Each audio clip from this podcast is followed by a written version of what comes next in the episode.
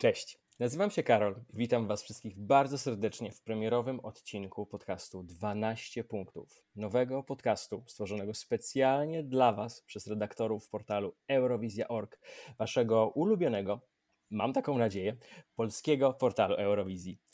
W każdym odcinku zabierzemy Was do świata naszego ukochanego konkursu. Udamy się wspólnie w podróż po Europie i nie tylko, komentując na gorąco to, jak kraje przygotowując się do nadchodzącej Eurowizji 2022 w Turynie.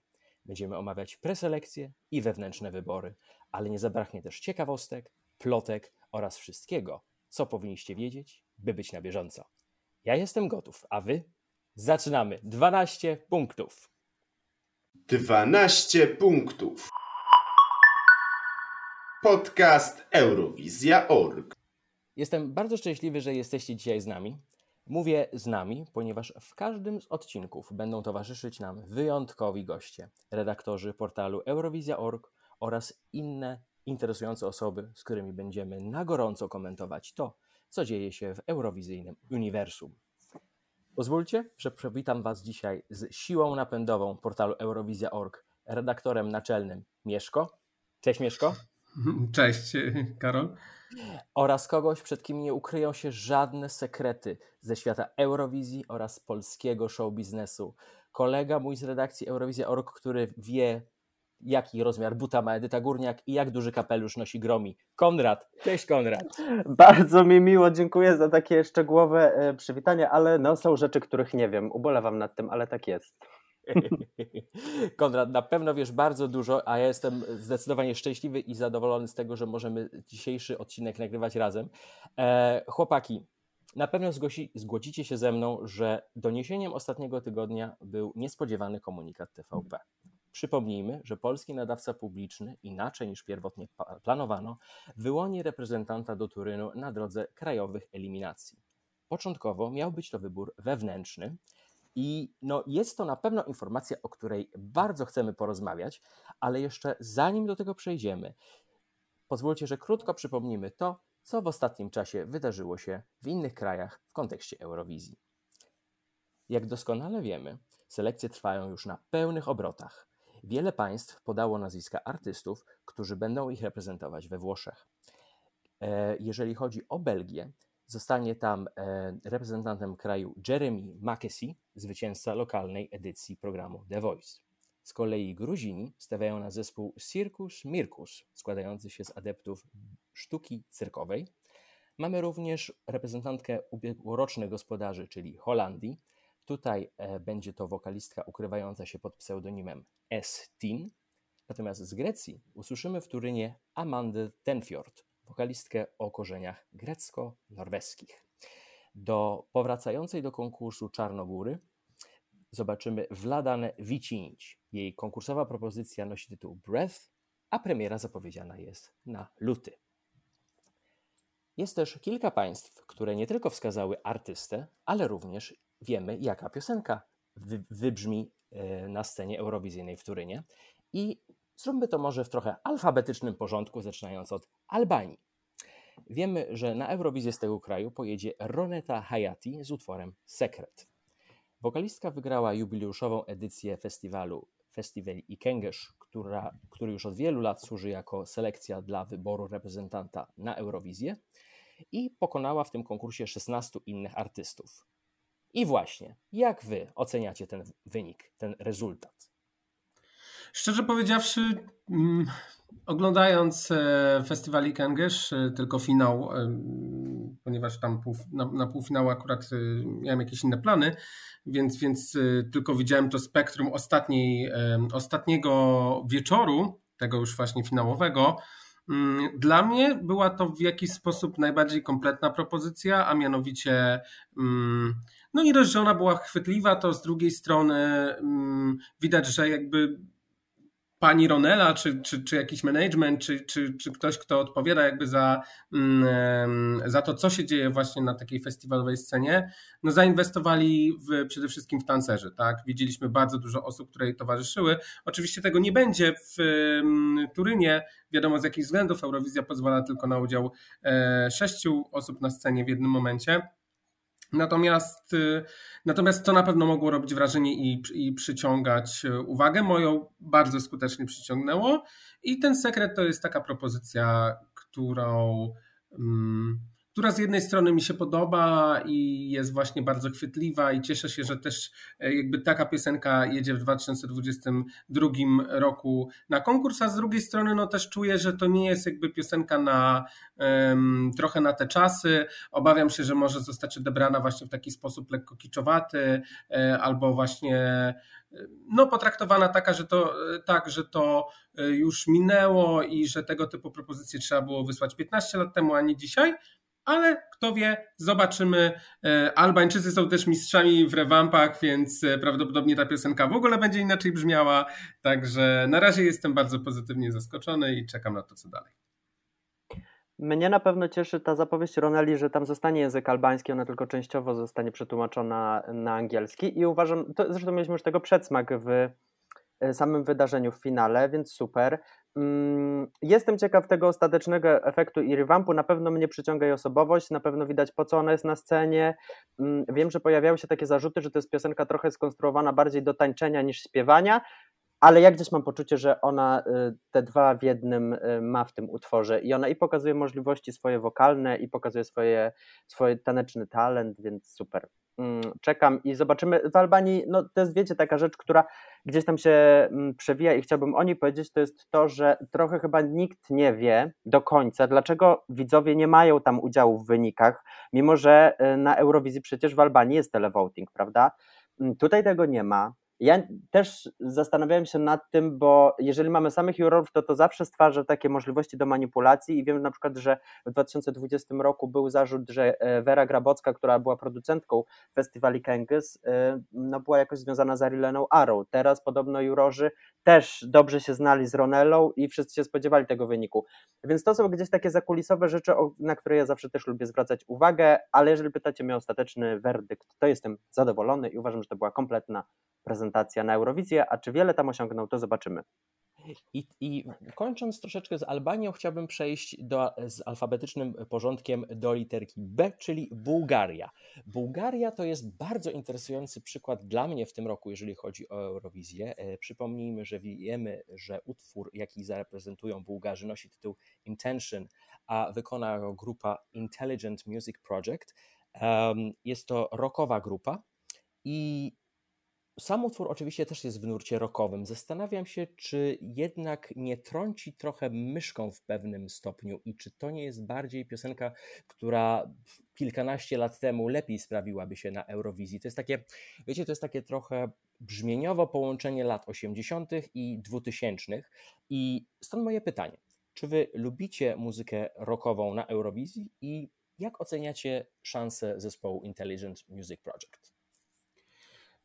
Wiesz co, jakby ja osobiście tak na co dzień jestem raczej fanem popu, więc ten rok y, mi mniej gra. Jeżeli, występu, jeżeli widzę mm, jakąś piosenkę czy, czy, czy artystę, który występuje z muzyką rockową na Eurowizji, to oczywiście nie skreślam jej, natomiast no, jakby też wiesz, z automatu to nie będzie moja ulubiona propozycja bo wiem, że są fani rocka, którzy po prostu jak tam usłyszą cięższe brzmienie, to wiesz, niezależnie od tego, co, co tam się zadzieje, to już jest dwunastka, tak? No to nie, no to, ja tak jakby nie, jakby tak na mnie rok nie działa. A też wydaje mi się, że jakby jest ogromna przepaść między na przykład tym, co proponuje Moneskin, tak, czy Blind Channel z tamtego roku, a tym, co zaproponowała nam na ten rok y, Bułgaria nie wiem, przysłuchałem te propozycje i mimo, że są tylko trzy, które znamy, to jakoś akurat do tej trzeciej zupełnie nie chcę wracać. W sensie nie spodobała mi się. E, obejrzałem też teledysk. Mniej więcej zrozumiałem, jaki jest przekaz, natomiast dobrze, że o tym przeczytałem, bo sam jakby sam, samo wideo takie jest moim zdaniem średnio, średnio wyjaśniające, e, co, co chcą nam też artyści przekazać tym samym swoim konceptem. Mm, no i nie wiem, w ogóle zdominowała moim zdaniem informacja dla mnie to, że, że jeden z tych członków zespołu jest poszukiwany w Hiszpanii, więc, więc, więc nie wiadomo jeszcze, czy wystąpią na Eurowizję, no, Eurowizji, no bo jeżeli tutaj jednego zabraknie, no to, no to, to też może być ciekawie.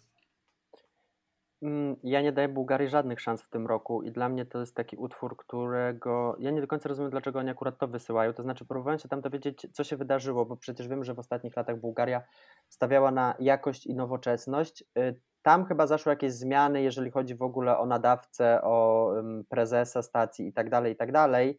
I gdzieś ten ustępujący chyba tak chciał podjąć y, szybko decyzję, żeby już ten zarząd, który będzie po nim, nie miał możliwości zmiany, bo wiadomo, jak to jest. Mm, I szczerze mówiąc, to w ogóle nie wracam do tej propozycji. Usłyszałem ją dwa razy i wystarczy. I następne w maju, ale myślę, że to będzie taka przerwa na toaletę w moim przypadku. Zdecydowanie. Mnie ta zmiana, powiem Wam uczciwie, może nie, że przestraszyła, ale prawdę zaskoczyła, ponieważ Bułgaria, wysyłając artystów jak Krystian Kostow czy Equinox, pokazywała, że jest, tak jak stwierdziliście, krajem, który stawia na nowoczesność, e, popularne, e, nowoczesne brzmienia, a tutaj mamy taką sytuację, która no nie wiem, ja tą piosenkę pokazy- pozwoliłem przesłuchać mojemu tacie, rocznik 51 i on jest naprawdę zachwycony, ale z uwagi, że mój tata ma już 70 lat, to chyba coś jednak mówi na temat estetyki w tym właśnie utworze. Uważam, że nadszedł moment, żebyśmy się skupili na tym, co dla polskich fanów e, w ciągu ostatnich kilku dni było e, breaking newsem, powiedzmy. E, telewizja publiczna decyduje się na organizację narodowych selekcji. Nie wiem jak wy, ale mi prawie z ust wyleciało śniadanie, jak się o tym dowiedziałem. Chłopaki, skąd ta zmiana? Myślę, że przede wszystkim z tego powodu, żeby zrobić jakiś, nie wiem, jakiś ciekawy koncert, ciekawe widowisko. No, trudno powiedzieć tak naprawdę, co, mm, co telewizja miała na myśli, decydując się na ten krok, szczególnie, że też pamiętajmy, że proces selekcyjny w tym roku, cały regulamin i cały, cały właśnie cała idea, która za tym stała, no nie była opracowana dwa tygodnie temu, pięć tygodni temu, tylko prawda, już jakby oficjalne dokumenty i, i nabór został rozpoczęty w drugiej połowie września, więc naprawdę było to, to zrobione z, jakby z wyprzedzeniem. Wydawało się, że jest to, jest to przemyślane, a tu nagle, nagle zmiana. Możliwe, że mamy po prostu aż tak 10 dobrych e, utworów, że trudno wybrać e, jeden. Jeżeli tak jest, to, to wow, to super i w sumie fajnie, że e, takie selekcje się odbędą. Generalnie dla mnie ja jestem bardzo na tak pod tym względem, że to zawsze są wielkie emocje i to zawsze też wzbudza większe zainteresowanie odbiorców tematem Eurowizji. Nie tylko takich, którzy śledzą właśnie Eurowizję codziennie albo, albo co drugi dzień, ale też takich, którzy w ogóle no, rzadko kiedy oglądają albo są takimi właśnie sobotnimi widzami, czyli tylko oglądają te, te, te, te główne wydarzenia. Tak więc y, ja jestem na tak. Jeżeli o mnie chodzi, to y, miałbym tu, jeżeli miałbym wróżyć tu z takiej szklanej kuli, to powiedziałbym, że jest to trochę taki impas i niemożliwość wyłonienia tej ostatecznej piosenki, która ma nas reprezentować. To znaczy, być może okazało się, że w tym ostatecznym rozrachunku te propozycje pro, prezentują na tyle um, albo zróżnicowany poziom, albo są podobne, jeżeli chodzi o powiedzmy jakość produkcji i tak dalej, no, że gdzieś pojawia się problem. I ja się cieszę bardzo, że te selekcje są, bo tak jak Mieszko uważam, że to podniesie zainteresowanie e, samym konkursem. Uważam, że te nazwiska, mm, które ujawniono, to też gdzieś tam reprezentują polski rynek, przynajmniej jeżeli chodzi o debiutantów. No wiadomo, że tutaj nie mamy tych najbardziej uznanych nazwisk, ale mamy takich ludzi, którzy gdzieś tam już się przewinęli, coś osiągnęli, mają jakieś zasięgi radiowe czy w social mediach i to jest super, bo ja bardzo lubię debiutantów na Eurowizji. W ogóle uważam, że Eurowizja to jest taka platforma dla debiutantów, którzy są zdolni i, i mają świetne utwory, mają coś tam do przekazania. To, czego mi zabrakło na pewno, to jest to, że nadawca mm, nie zamieścił w tym regulaminie takiego jednego punktu, który jest w wielu krajach gdzieś obecny w przypadku organizowania mm, czy w ogóle konstruowania sposobu wyboru reprezentanta, mianowicie, że jeżeli poziom będzie dostatecznie wysoki, to zostanie zorganizowany ten koncert właśnie w formie takiego e, wydarzenia telewizyjnego i to by rozwiązywało sprawę, bo ja rozumiem wszystkich, którzy są rozczarowani, że ta zmiana nastąpiła i tak trochę niespodziewanie. Ale jeżeli pytacie o moje osobiste zdanie, dobrze, że ona nastąpiła i ja się już nie mogę trochę doczekać tego 19 lutego. To jest e, bardzo ciekawe, co Wy mówicie, ponieważ to e, znajduje odbicie w odpowiedziach naszych czytelników na grupie Warsaw Calling, e, naszej grupie na Facebooku, ponieważ tam ponad 600 odpowiedzi w porównaniu do ponad 70 padło, że publiczne selekcje z koncertem, z koncertem na żywo są lepszym wyborem, czyli coś się ma na rzeczy, te selekcje są chętniej oglądane, tam jest większe zainteresowanie i być może jest dokładnie tak, jak mówicie. Ja też się spotkałem z taką opinią, że komisja, która miała wybrać zwycięski utwór, miała sporą trudność z dokonaniem ostatecznej decyzji, czy to byłaby Daria, czy to byłby Christian Ochman, czy ktokolwiek inny. Dlatego zdecydowano się na taką formę rozstrzygnięcia sprawy, że finał krajowych eliminacji do konkursu piosenki Eurowizji 2022 odbędzie się 19 lutego w budynku TVP w Warszawie, a o wynikach zadecydują widzowie oraz jurorzy. Wiemy, że spośród 150 zgłoszonych utworów komisja wybrała 10 szczęśliwców, których będziemy mogli usłyszeć w trakcie sobotniego koncertu.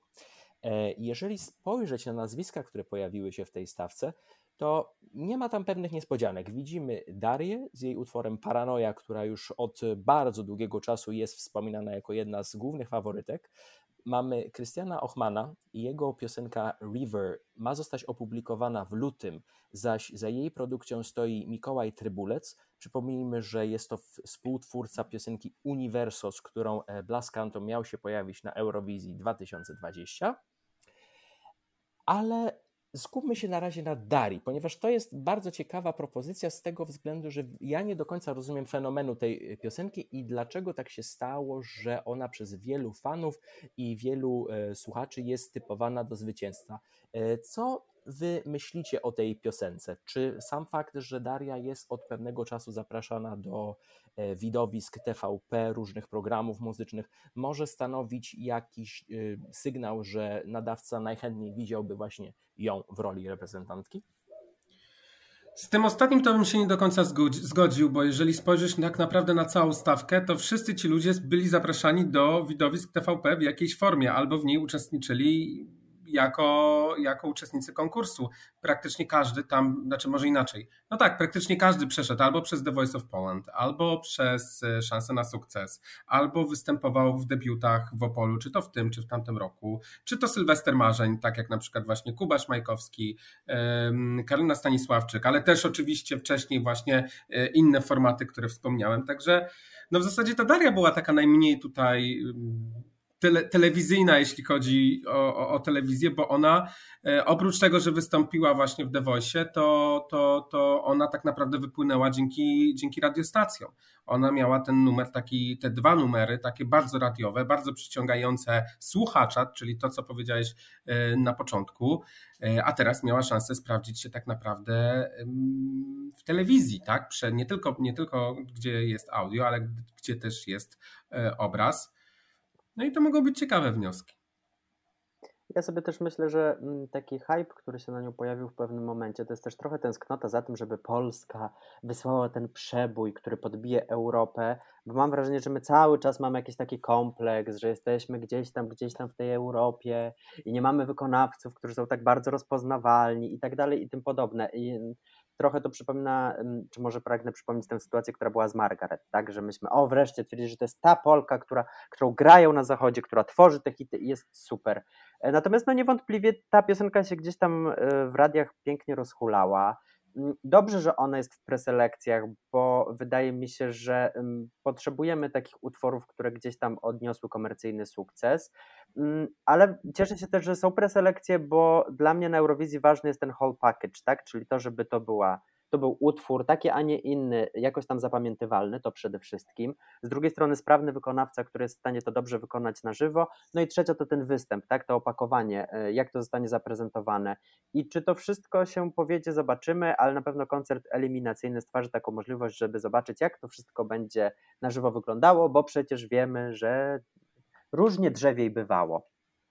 Właśnie przy tych głosach y, dotyczących tej propozycji Darii, że musimy właśnie, że to musi być przebój, że to w ogóle musi być hit i tak dalej, to zawsze to pokazuje najlepiej, jak pamięć fanów Eurowizji, w ogóle naszej całej społeczności eurowizyjnej jest krótkowzroczna, bo przecież 4 lata temu mieliśmy podobną sytuację, mieliśmy preselekcję, mieliśmy um, artystów, którzy mieli bardzo radiowy przebój i, i wtedy wszyscy, a może może nie wszyscy, ale znaczna część pchała ich z biletem do Lizbony. Ten bilet udało się uzyskać, no i dzisiaj jakby nie mają już tych odbiorców, a, a, a fani Eurowizji wręcz, wręcz bardzo narzekali, jeśli chodzi o występ w Lizbonie. Tak więc z taką właśnie radiową propozycją, że po co to wysyłać, po co było wysyłać taki utwór, taką radiówkę, przecież, przecież to jest konkurs, przecież to jest konkurs piosenki, to, to trzeba było wybrać w zupełnie innym stylu utwór. Tak więc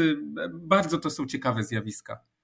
Ja jeszcze chciałem tylko dodać, tak ad vocem, mm, że bardzo, bardzo my jako Polska mamy duży problem ze stagingami i z tym, jak to jest prezentowane, więc moim zdaniem bez względu na to, kto zostanie wybrany, kto zwycięży, ja się na pewno ze swojej strony wstrzymam z oceną szans y, do prób, bo to, tego nauczyła mnie Eurowizja bardzo mocno. Zresztą najlepszym tego przykładem był Maneskin, któremu nikt nie dawał szans na wygraną. Twierdziło się, że Włochy mogą zająć takie 15, 17 miejsce w finale. No i nagle po próbach nastąpił efekt wow i było o kurczę, oni chyba się będą bili o wygraną, bo się tak wyróżniają. Więc to jest na pewno coś, co będzie miało decydujący wpływ e, na to, jak będę się wypowiadał o szansach Polski w Turynie. Ale mnie też ciekawi, jaka jest Wasza reakcja na osobę, która pojawia się w tych selekcjach, ale to jest też postać poniekąd kontrowersyjna. Lidia Kopania. Przypomnijmy, że Lidia Kopania startowała w preselekcjach do Eurowizji w 2009 roku, które wygrała ze swoim utworem I Don't Wanna Leave jeżeli się nie mylę, zajęła w e, dzięki niemu 12 lokatę w półfinale podczas Eurowizji w Moskwie. Niestety finału w takim razie żeśmy nie mogli osiągnąć. Tym razem Lidia powraca z utworem Why Does It Hurt? Napisanym przez dość kontrowersyjne siostry Persson ze Szwecji. E, dla osób, które nie są w temacie, przypomnijmy, że siostry Persson, e, chyba Linda i Ilwa, nie pamiętam już teraz dokładnie, są znane w eurowizyjnym świecie z powodu e, oceanu utworów, którym zalewają różnych nadawców w poszczególnych częściach Europy i ich marzeniem jest w końcu mieć utwór, który zostanie zaprezentowany na eurowizyjnej scenie. Super oceniam. Super oceniam. Myślę, że jest to bardzo jej potrzebne, jeśli, jeśli zadajesz tak, takie pytanie. A tak, y, wiesz, zupełnie poważnie, myślę, że to jest fajnie, że ta stawka jest bardzo różnorodna, bo z jednej strony, mm, tak jak też Konrad powiedział, są utwory, które będą reprezentować nasz rynek muzyczny w takim stanie, jaki on jest na 2022 rok. Z drugiej strony będą to przynajmniej tak się spodziewamy, biorąc pod uwagę właśnie tych uczestników, e, bardzo różnorodne utwory gatunkowo i mamy też właśnie taki uśmiech do fanów Eurowizji, że mamy powracającą reprezentantkę. Ktoś uznał, że ta propozycja, której nie słuchaliśmy, jest e, jedną z dziesięciu najlepszych ze wszystkich 150 zgłoszonych. No i okej, okay. i pozostaje nam tak naprawdę czekać i na propozycję, i na występ, i na to, co się zadzieje. I, I dopiero wtedy myślę, że wtedy będzie warto ocenić, czy to był dobry ruch, czy to był słaby ruch. Na ten moment, dopóki ta stawka jest różnorodna i są i znane nazwiska, i debiutanci, i piosenki, e, które są bardzo dynamiczne, klubowe, i pewnie ballady, i jest Lidia Kopania, dla mnie super. Ja to też chyba odbieram trochę bardziej jako taki ukłon w stronę fanów Eurowizji, bo powiem Wam szczerze, że mm, od czasu do czasu gdzieś tam się zapoznaję z twórczością Lidii, ale zawsze no to nie są jakieś wydarzenia, które powodują dreszcze na moich plecach, ujmę to tak dyplomatycznie. I jeżeli miałbym patrzeć pod rynek muzyczny, no to. Hmm, ale z drugiej strony zobaczymy, no jeżeli to będzie jakiś taki występ na żywo, który porwie, i który sprawi, że komuś się zrobi cieplej na sercu, no to dlaczego nie? Widowiska telewizyjne rządzą się swoimi prawami. Stawka też jest dobierana po to, y, żeby no, zaspokoiła różne gusta i, i różne typy odbiorców, była kompatybilna z ich oczekiwaniami, więc zobaczymy. Zobaczymy dokładnie. E, wy stwierdziliście, że udział Lidii Kopani może być swojego rodzaju ukłonem w kierunku e, fanów Eurowizji. E, jest również inny uczestnik preselekcji, dosyć interesujący w mojej ocenie, który zwraca się czy reprezentuje sobą określoną grupę odbiorców muzycznych i nie jest to przeciętna grupa odbiorców. Chodzi mi o formację Unmute. Jest to grupa, przypomnijmy, która powstała przede wszystkim, aby wspierać inicjatywę społeczną i uświadamiać ludzi na temat tego, w jaki sposób muzyka jest odbierana przez osoby głuchonieme. Dodajmy, że Polska w pewnym stopniu jest pionierem w transmitowaniu na scenę eurowizyjną e, tematów które, których wcześniej nie było. Mieliśmy Monikę Kuszyńską, pierwszą wokalistkę na wózku inwalidzkim i zastanawiam się teraz, jak e, postrzegacie start formacji Unmute e, w preselekcjach. Udało mi się w pewnych momentach znaleźć dyskusję na temat tego, że to jest troszeczkę sporne, czy język migowy powinien być prezentowany na Eurowizji, czy to jest zgodne z regulaminem, czy to jest w ogóle tak naprawdę piosenka. E, jak wy się na to zapatrujecie? Ja zapatruję się mniej więcej z tych samych pobudek, co, e, co, co na udział Lidii Kopani. Bardzo się cieszę, że stawka jest różnorodna. Pewnie będę to powtarzał trochę jak mantrę, ale, ale dla mnie jest to duża wartość dodana już tej stawki, tego finałowego koncertu. Oczywiście, że jakby nie było takiego mm, występu na Eurowizji, nie było też takiego case'u na Eurowizji obecny regulamin, z tego co ja się orientuję i z tego co tam, tam analizowałem, nie mówi nic na ten temat, żeby to było niedozwolone w kontekście, w kontekście takiego, takiej formy przekazu, takiej formy komunikacji, takiej formy też zaryzykuję, ale śpiewania. Mm, więc, więc dlaczego nie? Więc dlaczego nie? Spróbujmy. Myślę, że Polska akurat jest jednym z tych ostatnich krajów, które e, są odważne w kontekście wyborów swoich na Eurowizję, więc, y, więc może, może teraz. Kiedy, jak nie, jak nie w tym roku, bo to naprawdę jest coś, co byłoby pionierskie. Od początku powtarzam, że język migowy jest językiem, więc ta piosenka ma tekst. I ja tu nie widzę żadnych powodów, dlaczego ona miałaby nie zostać dopuszczona w przypadku ewentualnej wygranej. I cieszę się, że ta formacja, że możemy też, mm, pamiętajcie, że w tych widowiskach telewizyjnych i w ogóle w mediach to powinna być platforma do mówienia o rzeczach ważnych, a aktywizacja osób czy z niepełnosprawnościami, czy osób głuchoniemych to jest bardzo, bardzo istotny aspekt naszego funkcjonowania społecznego i jeżeli ten start doda otuchy takim osobom i sprawi, że one pomyślą sobie, kurczę, oni walczą o reprezentowanie Polski na Eurowizji, więc ja też mogę wyjść gdzieś do ludzi i zawalczyć o swoje marzenia, no to po to to jest. I dlatego mnie ich udział bardzo, bardzo cieszy i krzepi. I świetnie, że się pojawili. Jestem entuzjastą y, tego uczestnika. Tak, w ogóle to jest bardzo szczytny projekt i, i, i właśnie sam udział już w krajowych eliminacjach y, tak naprawdę ma w jakiś sposób nam pokazać, że wszelkiego rodzaju uprzedzenia i wszelkiego rodzaju bariery powstają tak naprawdę w naszych głowach. I to, że my jakby to komentujemy, że mm, no nie wiadomo jak to będzie, czy oni mogą wystąpić, czy oni będą śpiewać, coś takiego, to wszystko jest w naszych głowach. Jakby to jest jakiś problem.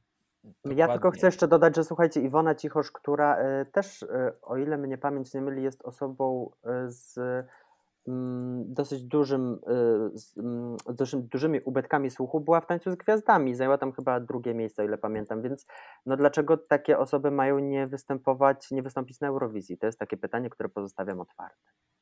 Przypomnijmy, że wśród stawki znalazła się również Karolina Stanisławczyk. To jest młoda 20-letnia wokalistka, która razem z kolumbijską artystką Chiką Tora wykona propozycję Move. Mamy także bardziej doświadczonych artystów. Mamy tutaj Emilię Dębską. E, to jest aktorka, e, wokalistka, e, która ma na swoim koncie m.in. współpracę ze studiem Buffo, współpracowała z Januszem Józefowiczem, a jej propozycja nosi tytuł All I Need. Mamy także e, osoby, które w pewien sposób wywodzą się z The Voice. Mamy tutaj Anię Byrcyn, która, jeżeli się nie mylę, uczestniczyła w tej samej edycji The Voice co Christian Ochman, a była także zwyciężczynią koncertu debiutów podczas zeszłorocznego koncertu festiwalu w Opolu. W krajowych eliminacjach wykona baladę Dokąd. Również e, ze świata The Voice, tylko że tym bardziej junior, wspominany przez Was Kuba Szmajkowski e, z jego propozycją Lovesick. Mamy również trzy artystki, które pokazały się szerszej publiczności, między innymi dzięki udziałowi w programie Szansa, Szansa na sukces. Karolina Lizer oraz siostry Szlachta. Te dwie ostatnie wokalistki wykonywały utwór Dancing Queen z repertuaru Abby w trakcie eurowizyjnego półfinału Szansek na sukces, natomiast w lutowym finale wykonają utwór Drogowskazy. I tak prezentuje się stawka tegorocznego konkursu krajowych eliminacji 2022. Doda, jak w tamtym tygodniu informowała na swoim Instagramie, że zgłosiła się do swoi, e, ze swoim utworem e, Fake Love do krajowych eliminacji. Jednak artystka zrobiła to po dopuszczalnym terminie 20 listopada. Regulamin i jego zasady były znane od września, więc pojawia się teraz tutaj pytanie, czy Doda na żywioł zdecydowała się, że jednak chce wziąć udział w e, krajowych eliminacjach bez wcześniejszego zapoznania się z regulaminem, czy mamy tutaj bardziej do czynienia ze sprytną akcją promocyjną i tak naprawdę Doda nigdy nie zamierzała wyjechać na Eurowizję, a jedynie chciała narobić wokół siebie szumu. I moje pytanie jest takie, co wy o tej całej akcji z Dodą myślicie? Co myślę o akcji z Dodą? Wiesz, no trudno jakby odczytać intencje, mm, co tak naprawdę Doda chciała, chciała przekazać w ten sposób. Moim zdaniem to raczej bym wszedł w to, co powiedziałeś, Karol, czyli, czyli w taką e, akcję promocyjną, związaną też z Eurowizją. Bo też umówmy się, no jakby to była publiczna informacja, że są eliminacje, że jest jakby proces mm, naboru zgłoszeń właśnie do e, tych eliminacji wewnętrznych jeszcze, jeszcze wtedy. Był określony regulamin. E, zgłoszenia można było nadsyłać już od połowy września, kończyły się 20 listopada. Tak więc, jeżeli ktoś był rzeczywiście zainteresowany mm, startem, to wydaje mi się, że się zgłosił, dowiedział i, i szczególnie, że to były też, też nie, nie uwierzę, że było inaczej, że telewizja nie wysyłała zgłoszeń do wytwórni, znaczy informacji o zgłoszeniach do wytwórni, czy, czy e, właśnie jakichś innych uznanych artystów, które, które dana telewizja chciałaby zaprosić do, do takiego konkursu. To, że ona się zgłosiła 13 stycznia, nie wiem, no mi się wydaje, że to też mówi samo za siebie i cała ta akcja promocyjna, chociaż widzę, że wiele osób jakby uważa, że, że wszystko jest już załatwione, wszystko już jest dogadane i donegocjowane, no bo przecież Doda pojawiła się w piątek na Woronicza e, i była uśmiechnięta w relacjach na Instagramie, no to jakby 1 plus 1 równa się 3, ok. Ale ja byłbym, ja byłbym jednak troszeczkę taki spokojniejszy. Wydaje mi się, że mamy na razie 10 e, fantastycznych, mam nadzieję, uczestników e, i na razie to wystarczy. A jeżeli Doda bardzo by chciała wziąć udział w konkursie piosenki Eurowizji, no to jest cały rok na to, żeby przygotować naprawdę petardę, naprawdę mocną, nowoczesną mm, propozycję i zgłosić się w następnym roku. A ja będę ostry jak Tabasco i teraz poznacie mniej łaskawe oblicze mnie, ponieważ ja już mam dość tematu Dody i Eurowizji. Uważam, że to jest osoba, mm, która mocno bije pianę, wiecznie gra tylko pod siebie i chce nieustannie się wybić na jakimś e, innym medialnym wydarzeniu. Ona doskonale wie, że temat Eurowizja i Doda to jest coś, co jej zapewni kliki. Słuchajcie, ja już nie liczę, ile w minionym tygodniu do mnie napisało znajomych zupełnie niezwiązanych z konkursem, którzy mówią, no i co, i ta Doda startuje? Ja mówię, nie, nie startuje, ponieważ wysłała zgłoszenie jakieś prawie dwa miesiące po zakończeniu terminu i nikt jej nie brał pod uwagę, ponieważ następnego dnia już ogłaszali stawkę. E, ja zrobiłem swoje śledztwo, co Doda robiła w TVP, moi drodzy, w piątek, e, kiedy to zamieściła słynne relacje relacje na Insta Stories i wychodzi na to, że ona w tym budynku spędziła bardzo niewiele czasu. Wszyscy byli zdziwieni jej pojawieniem się i patrzyli właściwie, co ona tam robi. Z nikim nie była umówiona nagrała co miała nagrać i wyszła. Złośliwi się śmieją, że może szukała toalety po prostu i no nigdzie w okolicy nie mogła znaleźć, więc trafiła do tego budynku. Mm, ja jestem zniesmaczony tym zachowaniem. Wiem, że to da od 2014 roku przynajmniej, ja już nie mówię o tych wcześniejszych wszystkich, wiecie, rzeczach, bo wiem, że ona też miała przygotowany utwór na Eurowizję 2005, o ile mnie pamięć nie byli, to było jeszcze z formacją Virgin, to było Superstar, o ile e, gdzieś tam e, zdążyłem to sobie odświeżyć w głowie. Mm, ona co roku niby chce, ale mówi o tych wysokich budżetach. Ja trochę też patrząc na dokonania muzyczne Dody, nie mam zaufania, czy ona jest w stanie przygotować taki utwór, który zawładnie tym odbiorcom, że, odbiorcom i oni sięgną po telefon i wyślą SMS-a. Mi się ten medialny szum nie podoba, nie podoba mi się wybijanie na tym temacie, ale jej się udało, bo ta piosenka chyba w piątek y, miała, była szósta w karcie na czasie na YouTubie, no więc odpowiedzcie sobie sami, czemu to miało służyć. Wszyscy chcieli odsłuchać. Jestem już naprawdę poirytowany całą, całym tym medialnym szumem i tym, w jaki sposób ta osoba chce się wybić na, na tym temacie. To jest moje osobiste stanowisko i y, go nie zmienię. Moim zdaniem to jest jednak e, czysty marketing, to jest doskonała wiedza na temat tego, jak sobie podbić kliknięcia, jak zaistnieć, jak zrobić wokół siebie szum. Ja pamiętam, że w 2015 roku Doda też już rozpuszczała takie plotki, że ona została wybrana przez TVP jako reprezentantka i miała wówczas chyba śpiewać taki utwór Not Over You, co oczywiście okazało się nieprawdą i moim zdaniem to nie jest reprezentantka, którą my szybko zobaczymy w konkursie. Pytanie, czy ona w ogóle tego tak naprawdę chce. W każdym razie jestem zdania, że w przyszłości możemy się spodziewać wielokrotnie, niestety Konrad dla Ciebie informacji doda jedzie na Eurowizję, no ale nie spodziewam się, żeby to było prawdą. W każdym razie, jeżeli zostawimy na chwilę Dodę, i polskie selekcje, chciałbym, żebyśmy przenieśli się w odrębne części Europy, a konkretniej do Norwegii i na Litwę, bo właśnie w tych krajach w ostatnią w sobotę miały miejsce kolejne rundy eliminacyjne. W Norwegii niespodziewany tak naprawdę awans do finału otrzymał Frode Wassel. Jego propozycja Black Flowers wyeliminowała w pierwszym duelu formację Trofest, a w tak zwanym złotym duelu po norwesku brzmi to pięknie Gul Duel, pokona, pokonał Elinę Noelię. Finał norweskich selekcji zaplanowany jest na 19 lutego, czyli w ten sam dzień, kiedy to telewizja polska będzie wybierać swojego reprezentanta. Z kolei na Litwie, zgodnie z przewidywaniami, droga do półfinału otwarła się dla Iewy za, za, za? Dobrze ja to wymawiam? Wiecie mniej więcej jak to się wymawia? Nie mam zielonego pojęcia. Ja ją nazywam Jewą tą z 2018. Chyba Jewa z 2018. Jewa ze Simowskajta. Dziękuję Mieszko, mi już by się połamała twarz. Dziękuję. Dziękuję. W każdym razie, tak jak wspominałeś, Konrad uczestniczyła w Eurowizji 2018 w Lizbonie, a teraz wygrała drugi ćwierćfinał, ćwierćfinał preselekcji Pabandom is Now E, I ją razem z piątką pozostałych szczęśliwców zobaczymy w etapie półfinałowym. E, Mieszko, ja wiem, że ty oglądałeś selekcje norweskie. Jakie są twoje pierwsze wrażenia po tym e, półfinale? Jestem rozczarowany. To na pewno. Po pierwsze, jestem rozczarowany, jeśli chodzi o, o poziom stawki.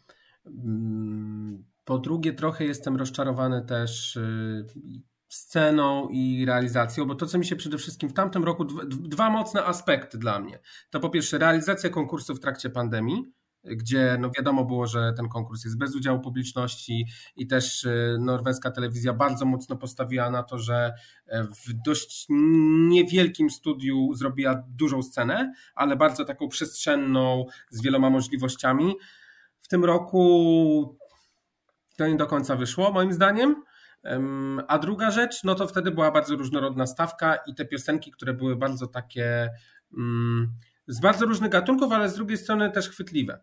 A w tym e, na razie po tym pierwszym półfinale, no to tutaj tak naprawdę trochę był wybór między dżumą a cholerą. I e, cieszę się, że to, co mnie jedyne, co mnie ucieszyło po wczoraj, to to, że takie mm, paździerzowate propozycje przepadły już na etapie. Mm, no na etapie tych, tych, tych pierwszych par, tych pierwszych dueli, tak? Że ludzie nie kierowali się tym ojej, bo panowie mają flamingi na głowie, albo ojej, bo pani jest ubrana w um, strój z peruk, tylko że minimalnie poszli w jaki, jakiś tam sposób za tym, że no okej, okay, może te inne propozycje są bardziej muzyczne i są po prostu ciekawsze, tak, w kontekście czy to Eurowizji, czy w ogóle Melody Grand Prix jako jakiegoś tam konkursu. Także to mnie cieszy, e, ale moim zdaniem żadna z tych propozycji nie wejdzie nawet do tej, do tej czwórki która, która będzie się mierzyła w tym takim super finale, bo to jest zawsze w finale norweskich e, preselekcji.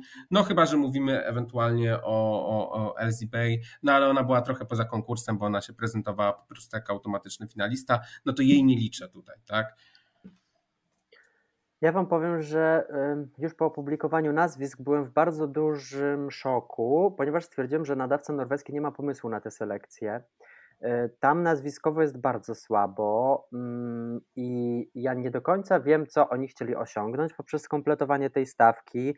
Obejrzałem sobie skrótowo dzisiaj te występy z wczoraj e, i na mnie nic nie zrobiło, absolutnie żadnego wrażenia. Mm, I nie wiem, no obejrzę finał, bo wiadomo, że finały oglądać warto. Natomiast y, ja, szczerze mówiąc, po tym poziomie to nawet nie wróżę Norwegii, że będzie się biła e, o finał, ale no, z tym się jeszcze wstrzymam do tego ich e, finału, e, który nastąpi w późniejszym czasie.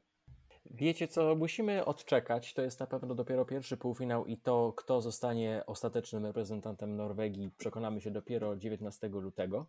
Ja chciałbym natomiast zwrócić uwagę na inny aspekt, który w pewien sposób łączy ze sobą norweskie i litewskie selekcje. Chodzi mi mianowicie o tą złożoność procesu selekcyjnego. E, Litwini po raz kolejny prezentują rozbudowany system, gdzie mamy ćwierć, półfinały, finał. E, Norwegia idzie też w kierunku tego samego systemu. Tam nawet pojawia się tak zwana runda dodatkowa, czy runda, która mi osobiście najbardziej kojarzy się ze szwedzkim Melody Festiwalem i Andra Chansen.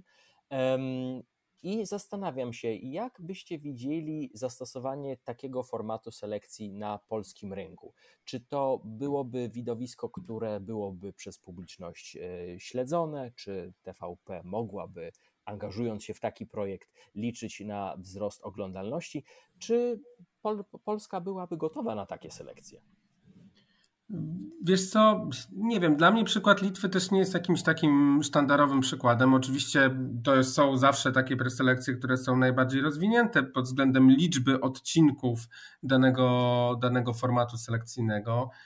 E, natomiast wiesz, no jakby dla mnie o, o, o, jakby popularności tych preselekcji świadczy też to, że mamy, mamy tam, nie wiem, drugi odcinek i, i, i zwycięzca televotingu otrzymuje 800 głosów, tak? Ja wiem, że Litwa ma tam 2,5 miliona mieszkańców, to jest zupełnie inne spektrum niż 38-milionowa Polska, natomiast no, no jakby wiesz no i też, też, też ci wykonawcy, którzy, którzy biorą udział w selekcjach. No z jednej strony masz 36 y, y, nazwisk w stawce i, i to na pewno y, mniej właśnie znani artyści powiedzą, że no to jest super, bo to jest wtedy platforma dla nich do tego, żeby się wykazać, pokazać i, i zaprezentować, ale z drugiej strony no, no mnie nigdy Litwa nie porażała mm, jakością i, i no nie wiem, jakby takim podejściem eurowizyjnym, zresztą no, też wyniki Litwy mówią same za siebie, że, że no, poza, poza Derub, które było rzeczywiście zjawiskiem i było inne, ale z jednej strony byli, byli trochę eurowizyjni,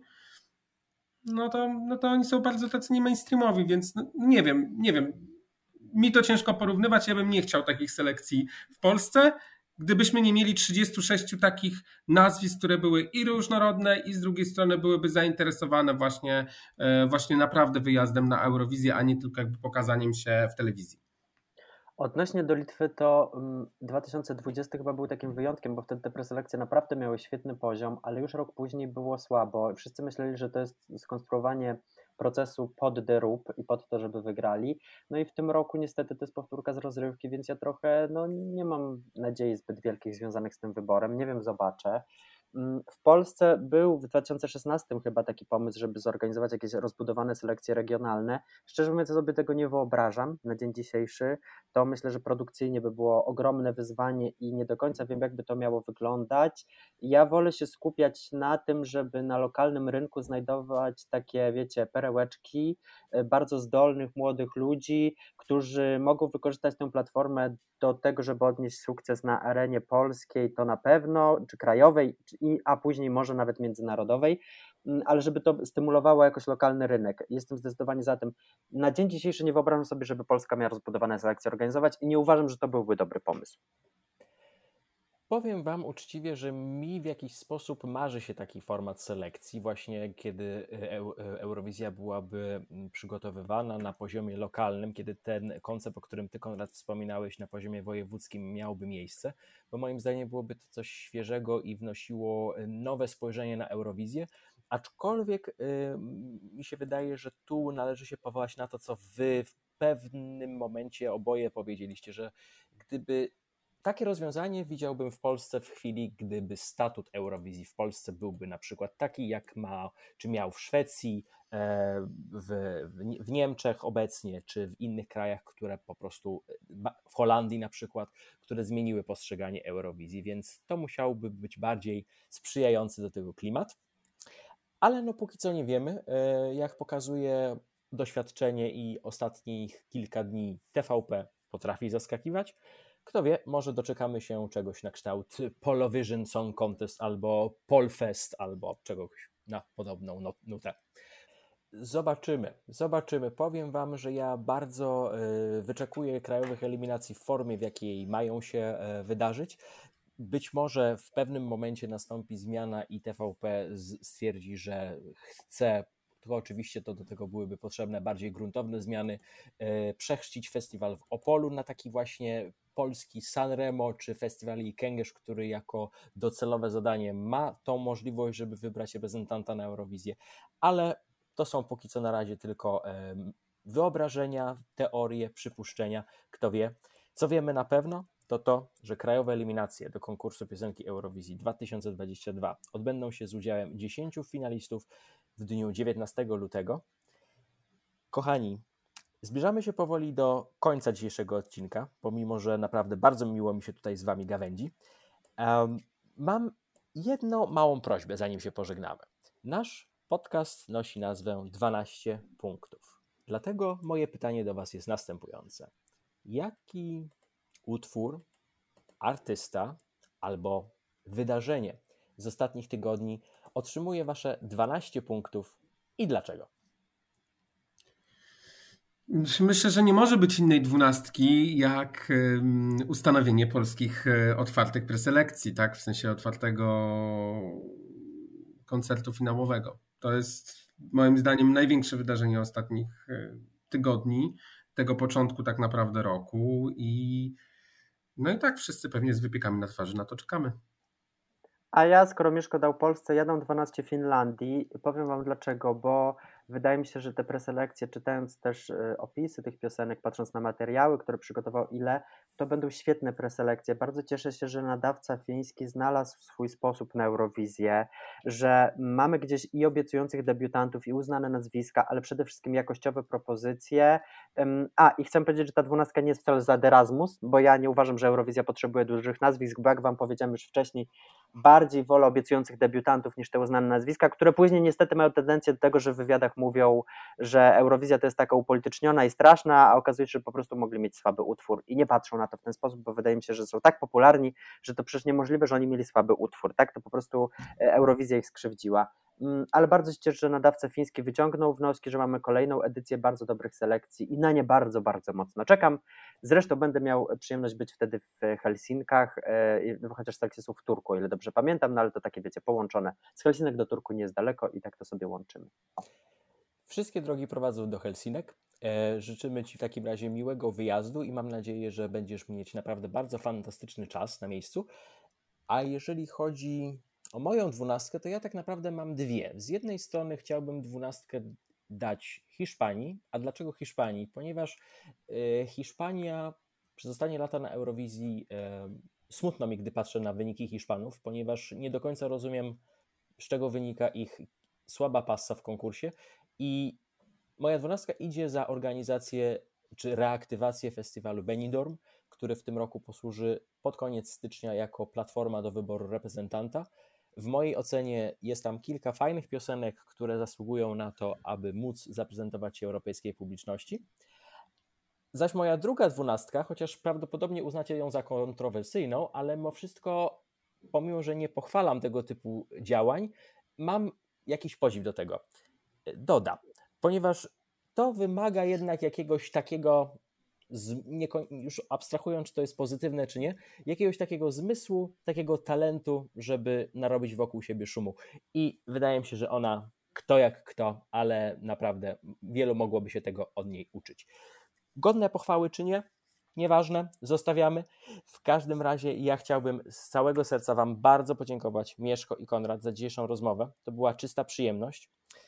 Was, wszystkich słuchających, także bardzo serdecznie podziękować i zaprosić do śledzenia portalu Eurowizja.org i naszych kanałów w mediach społecznościowych.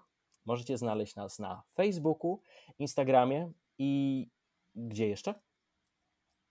A gdzie nie? Na YouTubie, na Spotify też właśnie, tak, tak. e, Na TikToku. Na TikToku. Dokładnie, jest wiele e, różnych opcji. W Twitterze. Szukajcie, a znajdziecie. Eurowizja.org zawsze dotrze do Was z najnowszymi informacjami ze świata Eurowizji. A ja już teraz zapraszam Was bardzo serdecznie na kolejny odcinek naszego podcastu. Do usłyszenia. 12 punktów Eurowizja.org. Cześć.